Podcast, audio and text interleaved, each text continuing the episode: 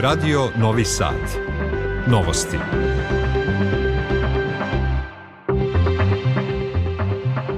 Dobar dan, poštovani slušalci, ja sam Aleksandar Grujić. Ja sam Nikola Rausavljević. I sadržaj emisije. U Srbiji se gradi više od 640 km puteva, a Vojvodina dobija najviše saobraćajnice, izjavio predsednik Aleksandar Vučić prilikom posete gradilištu tunela Iriški venac u okviru Fruškogorskog koridora. Od 7 sati glasa se na 8 biračkih mesta na kojima se ponavljaju parlamentarni izbori. Najmanje 48 ljudi poginulo u jakom zemljotresu koji je juče pogodio Japan u sudaru aviona na aerodromu u Tokiju život izgubilo pet osoba. Masovni ruski raketni napadi na Kijev i Harkov ima poginulih i ranjenih. Teniska reprezentacija Srbije pobedila Češku sa 2 prema 1 i igraće u četvrt finalu United Kupa u Pertu. U Vojvodini do kraja dana umereno oblačno, sutra prepodne oblačno, moguće i kiša, a zatim razvedravanje. Temperatura do 16 stepeni. U Novom Sadu sada je 11. Predsednik Srbije Aleksandar Vučić posetio je gradilište tunela i Riški venac u okviru projekta brze saobraćajnice Novi Sad Ruma. Reč je o deonici Fruškogorskog koridora. Tunel koji će spojiti Novi Sad i Rumu najzahtevnija je tačka tog koridora, njegova dužina je 3,5 km i kako je najavljeno biće završen za 2,5 godine. Izveštava Marko Brajković. Radovi na Fruškogorskom koridoru napreduju planiranom dinamikom. Od 642 km autoputa i brzih saobraćajnica koje se grade u Srbiji, Vojvodina nakon 30 godina dobija najviše puteva, izjavio je predsednik Srbije Aleksandar Vučić i najavio nova ulaganja. Sad Vojvodina, sever Srbije dobija najviše. Dakle, imaš Beograd, Zrenjanin, Zrenjanin, Novi Sad, 186 km Smajlije ili Osmeha od Bačkog brega do preko Kikinde do Crnje, Sremska Rača, Kuzmin, 19 km. Na stranu šta ćemo da radimo prema Palanci, imaš Fruškogorski koridor 48 km. Do kraja ove godine biće završeno 167 km autoputeva u Srbiji u vrednosti veće od 2 milijarde evra, a planirano je i uklanjanje napuštenih objekata uz puteve i pruge. Ove godine, do kraja juna, u skladu sa zakonom, svi ovi ružni objekti po našim autoputevima sa strane, urušene pumpe, kao što ste videli, lošeg izgleda toaleti, nezavršena izgradnja i tako dalje. Ili ćete sve da srušite, ili ćete da izgradite da to izgleda pristojno ili velelepno. I nema više velike filozofije. I pored autoputeva, i pored pruga naših i tako dalje. Fruškogorski koridor vredan je 606 miliona evra i planiran je kao brza saobraćanica sa po dve saobraćene trake po smeru. Dužina je 47,7 km i do sada je završeno više od 30 od radova. Predsednik Vučić je naglasio da sve započete saobraćanice moraju da budu završene do 1. decembra 2026. godine i ocenio da je u našoj zemlji sve povezano sa svetskom izložbom Expo 2027. godine. Ministarka energetike Dubravka Đedović-Handanović izjavila je da smo dočekali zimu spremni i da imamo dovoljno energenata za građane i privredu, a da je jedan od ciljeva da razvijamo različite i alternativne pravce i izvore snabdevanja energentima, naročito za gas i naftu od kojih smo uvozno zavisni. Na proleće bi trebalo da poče da radi novi termoblok u Kostolcu, završavaju se pregovori o finansijskom aranžmanu za izgradnju reverzibilne hidroelektrane Bistrica, kao i za gradnju gasne interkonekcije do Severne Makedonije. U ovoj godini nisu planirana poskupljenja struje i gasa. Što se tiče novih povećanja cene struje i gasa, ne očekujemo ih u 2024. i to smo potvrdili kroz aranžman sa, sa MMF-om, odnosno sve ono što su oni uvideli da smo ostvarili kao reforme u energetskom sektoru koje su bile neophodne. Tako da ćemo sad na bazi ovoga što imamo planirati zapravo da se realizuju investicioni projekti i u gasnom sektoru i u energetskom sektoru, odnosno proizvodnje električne energije na bazi tih prihoda koje se očekuje da će ostvariti i elektroprivreda i Srbija gas u tom smislu. Geopolitička kriza, pomognuta sa dva velika ratna žarišta, neumitno se odrazila na ekonomsku 2023. Tek delom obnovljeni lanci snabdevanja nakon pandemije, skupi energeti i zabrinjavajuća inflacija uticali su i na srpsku ekonomsku scenu. Kraj godine ipak bio je ohrabrujući. Ukratko o 2023. Đuro Vukilić. Sličnosti sa prethodnom godinom su mnoge. Ključna je tada je srpska ekonomija opet odigrala dva ekonomska poluvremena. U prvoj četvrtini BDP je rastao za 0,9, a u trećem za pristojnih 3,6 da bi na kraju godine dostigao godišnjih 2,5 Trendove sa kraja godine specijalni savjetnik u Fiskalnom savetu Slobodan Minić ocenjuje kao malo ohrabrujuće poboljšanje trendova kako se godina odvijala. Inflacija je u opadanju recimo od marta i dalje je visokih do 8% koliko je iznosilo u novembru, po čemu smo evropski rekorderi zapravo, a bruto domaći proizvod ipak vidimo ubrzanje postepeno iz kvartala u kvartal. Uprko silaznoj putanji inflacija je kod nas za 3 do 4 procentna pojena veća nego u najbližem okruženju. Minić nije izuzetak kada to objašnjava vanrednim povećanjem plata i penzija, jednokratnim isplatama penzionerima, školarcima ili zaposlenima u delu javnog sektora. To su iz ugla makroekonomske politike bile sporne mere jer podgrevaju inače visoku inflaciju. Posebno je problem što nisu ni selektivne, zbog toga su to skupe mere i u principu ne pomažu dovoljno onim najugroženijim, a koštaju budžet mnogo. Budžet je istina platio ceh galantnosti države, ali je ostao u manjem minusu od očekivanog. Minić procenjuje na oko 2% prema planiranih 2,8 od 100. Na listi pozitivnih postignuća srpske ekonomije u 2023. su prema oceni Centralne banke stabilnost dinara i dinarska štednja vrednija od milijarde evra, rekordnih 24,5 milijarde deviznih rezervi i oko 4,5 milijarde evra stranih direktnih investicija – Od centralne banke ekonomisti okupljeni oko kvartalnog monitora očekuju da zadrži kamate na visokom nivou i time inflaciju spusti ispod 5 od 100. Ocenjuju i da je planiranih 2,2 od 100 fiskalnog deficita primjereno relativno visokom javnom dugu i procenjuju da će zarade realno porasti za 3 do 4 od 100. Za 3 od 100 trebalo bi da poraste i bruto domaći proizvod. A rizici poskupljenja energenata i sirovina, recesije o eurozoni s kojom ostvarujemo dve trećine robne razmene i investicija, na posledku i na početku nedostatak ljudskih resursa. Manjak radne snage svih profila se naime nameće kao sve ozbiljniji ekonomski izazov Srbije. Od 7 sati glasa se na osam biračkih mesta na kojima se ponavljaju izbori za poslanike Skupštine Srbije. Izbori se ponavljaju na biračkim mestima na kojima nije bilo moguće utvrditi rezultate glasanja na izborima održanim 17. decembra, kao i na onim mestima na kojima su zbog nepravilnosti poništeni rezultati glasanja. Za ponovljene izbore štampano je 5352 glasačka listića, a glasa se na dva biračka mesta u Bačkom Petrovcu, tri u Beloj Palanci i na po jednom mestu u opštinama Beočin, Mionica i Petrovac na Mlavi. Rok za formiranje formiranje Narodne skupštine 30 dana od objavljivanja konačnih rezultata, dok je rok za sastavljanje nove vlade 90 dana od formiranja Narodne skupštine. Tradicionalni božićni konvoj Francuske humanitarne organizacije Solidarnost za Kosovo, koji je stigao 26. decembra u Gračanicu, završio se u Novom Bratu. U prethodnih sedam dana francuski humanitarci posetili su 18 cela u Kosovskom pomoravlju, Novobrdskom kraju, kao i u Metohiji i na centralnom Kosovu i podelili 10 tona humanitarne pomoći sastavljene od školskog pribora i igračaka za decu, novih šporeta na drva i struju, kao i kućnog nameštaja za socijalno ugrožene porodice.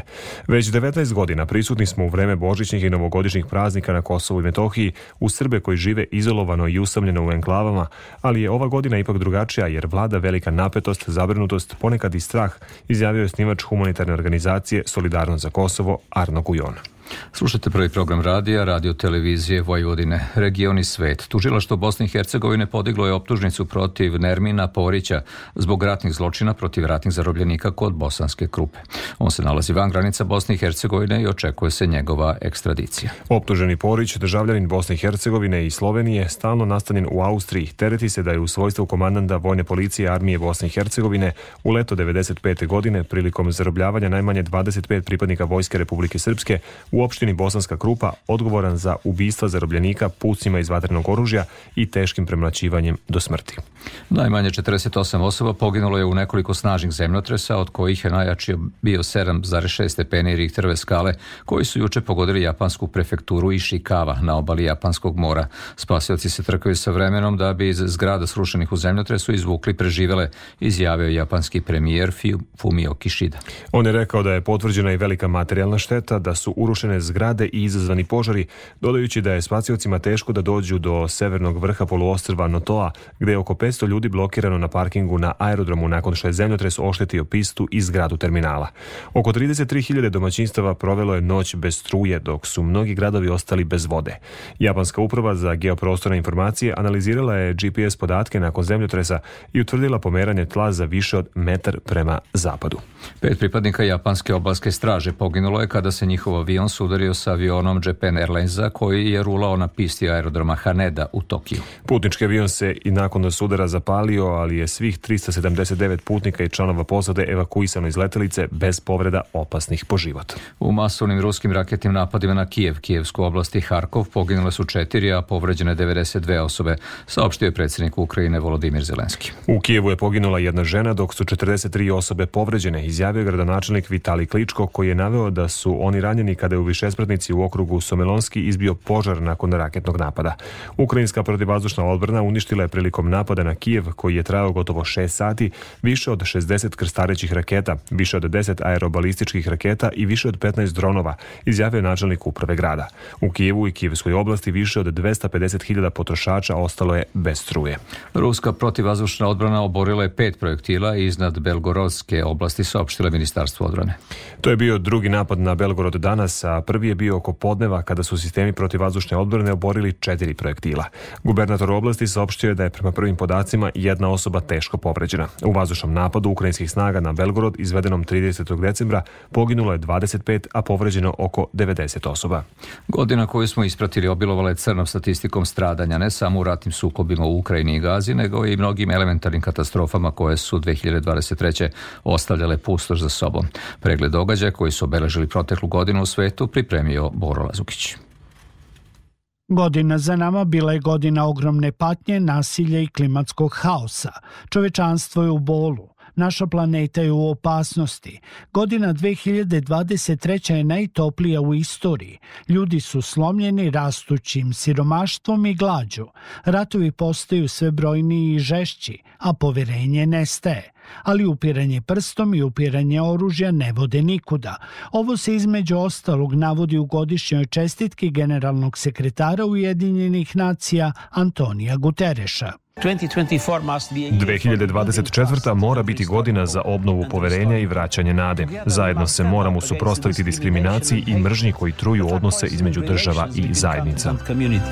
Napadom Hamasa na izraelski kibuc Kfar Aza započeo je izraelsko-palestinski sukob u kojem je za samo mesec dana poginulo blizu 10.000 ljudi, koliko je otprilike stradalo za dve godine sukoba na ukrajinskom ratištu.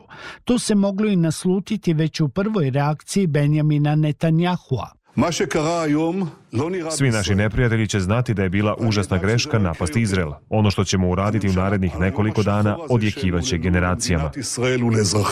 Ljudi su stradali i u elementarnim nepogodama. Samo u zemljotresu koji je u februaru pogodio delove Turske i Sirije bilo je više od 52.000 mrtvih. U velikim požarima koji su zahvatili Havajsko ostrvo Maui stradale su najmanje 53 osobe, dok ih je hiljadu nestalo. Zemljotres u Maroku odnao je bezmalo 3000 ljudi, dok je u poplavama koje su pogodile grad Derna na istoku Libije stradalo 11.300 ljudi. Danas smo odredili budžet od više od 515 miliona dolara za početak ponovne izgradnje života ljudi u pogođenim područjima. Ako ova sredstva ne budu dovoljna za obnovu Derne i drugih gradova, izdvojit ćemo više. Svi rade koliko mogu da pomognu. Svetsku političku scenu obeležio je pokušaj američkog pravosudnog sistema da ospori kandidaturu Donalda Trumpa za predsjedničke izbore 2024. Vrhovni sud Kolorada je u skladu sa klauzulom o pobuni u američkom ustavu skinuo Trumpovo ime sa glasačkog listića što je kao presedan u istoriji Amerike potom uradila i država Maine. Najdalje je otišla velika porota u Džordžiji koja ga optužuje za pokušaj osporavanja izbornih rezultata iz 2020. Prema ocenama Evropske komisije, Srbija je u oblasti zaštite životne sredine i klimatskih promena prošle godine postigla izvestan napredak, što znači da smo dobili prelaznu ocenu. O tome koliko smo napredovali u oblasti zaštite životne sredine u godini za nama, Dragana Ratković. U godini za nama usvojeno je nekoliko važnih strateških dokumenata u borbi protiv klimatskih promena. Usvojeni su strategija niskougljeničnog razvoja, program prilagođavanja na izmenjene klimatske uslove sa akcionim planom, kao i nacrt integrisanog energetskog i klimatskog plana do 2030. sa projekcijom do 2050. godine. Usvajanje tih dokumenata za nas je izuzetno važno jer se Srbija zagreva mnogo brže od ostatka sveta, što je bilo praćeno raznim ekstremnim događajima u prošloj godini godini, kaže klimatolog Vladimir Đurđević klima je postala ekstremnija i sa tim moramo da naučimo da živimo. 23. je bila godina u kojoj se to vrlo jasno videlo i nažalost to će biti sve jasnije i jasnije u budućnosti. Godišnji izveštaj Agencije za zaštitu životne sredine o stanju kvaliteta vazduha u Republici Srbiji za 2022. godinu potvrđuje da je vazduh zagađen gotovo svuda gde se obavljaju merenja. Zagađenja vazduha je uvek postojalo, ali vremenske prilike i klimatske promene, posebno u zimskim mesecima, povećavaju broj dana kada je vazduh zagađen, kaže pomoćnik pokrajinskog sekretara za zaštitu životne sredine Dragan Đurica. Gde ima industrije, gde se nešto dešava i proizvodi, zagađenje vazduha postoji. Ono što je kod nas problem su individualna ložišta. Prvo zbog toga je zima period kad je zagađenje najuočljivije. Profesor Aleksandar Jovović ukazuje da se preduzimaju određene mere za poboljšanje kvaliteta vazduha. Da su, na primjer, mi pokrajina uložili dosta u rekonstrukciju toplana i kotlarnica po opštinama i to se pokazalo jako solidno rešenje u smislu zagađenja vazduha. Sa zagađenjem vazduha neposredno ili posredno povezano je upravljanje otpadom. Prema rečima profesora Jovovića u toj oblasti u prošloj godini zabeležen je izvestan napredak. Dosta deponija, onih starih smetlišta je sanirano kao izrađene su neke transfer stanice po Srbiji, grade se ona postrojenja regionalnog tipa i to jesu zaista veliki infrastrukturni zahvati koji dosta će unaprediti sistem upravljanja otpadom. I resorni pokrinjski sekretar za zaštitu životne sredine Nemanja Erceg ističe da je Vojvodina napredovala u upravljanju pre svega komunalnim otpadom, što utiče na poboljšanje životne sredine. Edukacija, obezbeđivanje neophodne sredstava za implementiranje opreme, tehnologije i tako dalje za preradu komunalnog otpada sigurno doprinosi da danas imamo mnogo bolju sliku pogledu zaštite životne sredine nego što smo to imali ranije. Uprkos izvesnom napretku u pojedinim oblastima u zaštiti životne sredine u ovoj godini očekuju nas isti problemi, ali se nadamo da će njihovo rešavanje biti efikasnije nego u prošloj. Sport. Teniska selekt Selekcija Srbije slavila je sa dva je prebera protiv Češke u drugom kolu grupe E United Kupa i tako izborila plasman u četvrt finale. Odlučujući poen za našu reprezentaciju u australijskom Pertu osvojili su u miks duplo Olga Danilović i Hamad Međedović. Naredni protivnik našem timu biće domaćin Australija. U 18. kolu Evrolige košarkaši Crvene zvezde od 18 sati 45 minuta gostuju u Istanbulu ekipi Fenerbahča, dok Partizan od 20 časova i 45 minuta u Beogradskoj Štark areni dočekuje Asvel. I evo jedna lepa rubrika za kraj. Prva beba rođena u Sremskoj Mitrovici u 2024. To je Deča Gavrilo. On je od Mitrovačke opštine dobio poklon paket autosedište i 50.000 dinara. Detaljnije Sanja Mitrović. Prva beba sa teritorije grada Sremska Mitrovica rođena u 2024. godini je dečak Gavrilo, koga je 1. januara u 7 sati i 51 minut donela na svet Branislava Vladisavljević iz Radenkovića. Dečak je rođen sa 3 kg i 50 grama i dužine 49 cm, a prema rečima oca Miroslava porođaj nije zakazan. Pa, oduševili smo se svi bili, što je pogotovo prvo rođeno, pa dobro, sve je prošlo u redu i da se zahvalim za poklone gradu Sremska Mitrovice. Prema rečima doktora Dragana Malobabića, direktora Mitrovačke bolnice, u novoj godini rođeno je već nekoliko beba, a u Mitrovačkom porodilištu 2023. godine bilo je ukupno 1243 porođaja. Imali smo zadovoljstvo da u ovoj godini već imamo četiri bebe, prva beba iz Sremske Mitrovice. Nadam se da će i ova godina biti nešto uspešnija po broju porođaja, pošto i 23. bila uspešnija od 22. Što se tiče porodilišta, znači poručio bi našim sugrađankama da sve e, što žele mi ćemo njima ispuniti samo da nas bude više. Gradonačelnica Svetlana Milovanović obišla jutro Mitrovačko porodilište i uručila poklone srećnom ocu. Mi kao i svake godine uh, darujemo bebu, lokalna samouprava se pobrinula za to, uh, dobit će novčana sredstva u iznosu od 50.000 dinara, poklon paket u iznosu 15.000 dinara i auto stolicu. Grad će i u 2024. godini nastaviti sa akcijom podele autosedišta bebama, a novčana pomoć povećana je na 50.000 dinara, na koju pravo imaju roditelji prvorođene bebe.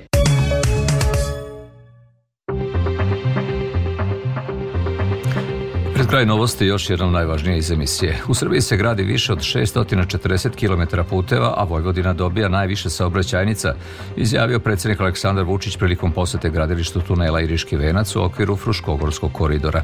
Od 7 sati glasa se na 8 biračkih mesta na kojima se ponavljaju parlamentarni izbori. Najmanje 48 ljudi poginulo u jakom zemljotresu koje je juče pogodio Japan. U sudaru aviona na aerodromu u Tokiju život izgubilo pet osoba. Masovni ruski raketni napadi na Kijev i Harkov ima poginulih i ranjenih. Teniska reprezentacija Srbije pobedila Češku sa 2 prema 1 i igraće u četvrtfinalu United Kupa u Pertu.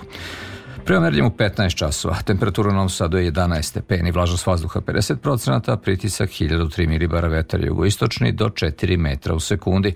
U Vojvodini do kraja dana umereno oblačno. Kako nas vreme očekuje do kraja sedmice? U Vojvodini u sredu pretežno oblačno pre podne i sredinu dana mestimično sa kišom, a posle podne prestanak padavine i razvedravanje. Vetar slab do umeren južni i jugozapadni. Najniža temperatura od 4 do 6, a najviša od 13 do 16 stepeni. U Vojvodini se do nedelje zadržava nadprosečno toplo vreme. U četvrtak prolazno oblačenje sa kišom, a u petak i u subotu umereno oblačno uglavnom suvo sa sunčanim intervalima. Za radio Novi Sad, meteorolog Miodrag Stojanović. Služali ste novosti prvog programa radija javne medijske ustanove Vojvodine. Sve informacije pronađite na našoj internet stranici na adresi rtv.rs gde novosti možete da čujete i odloženo. Pratite nas i na društvenim mrežama. Producent Branislava Stefanović, tonska realizacija Ivana Bogišić, Aleksandar Grujić i Nikola Rausavljević žele vam prijatan ostatak dana. Ostanite uz Radio Novi Sad. U 15 časova i 30 minuta Radio Sport, a nakon vesti u 16 časova emisija o privredi i ekonomiji Biznis Kompas koju priprema Đura Vukelić.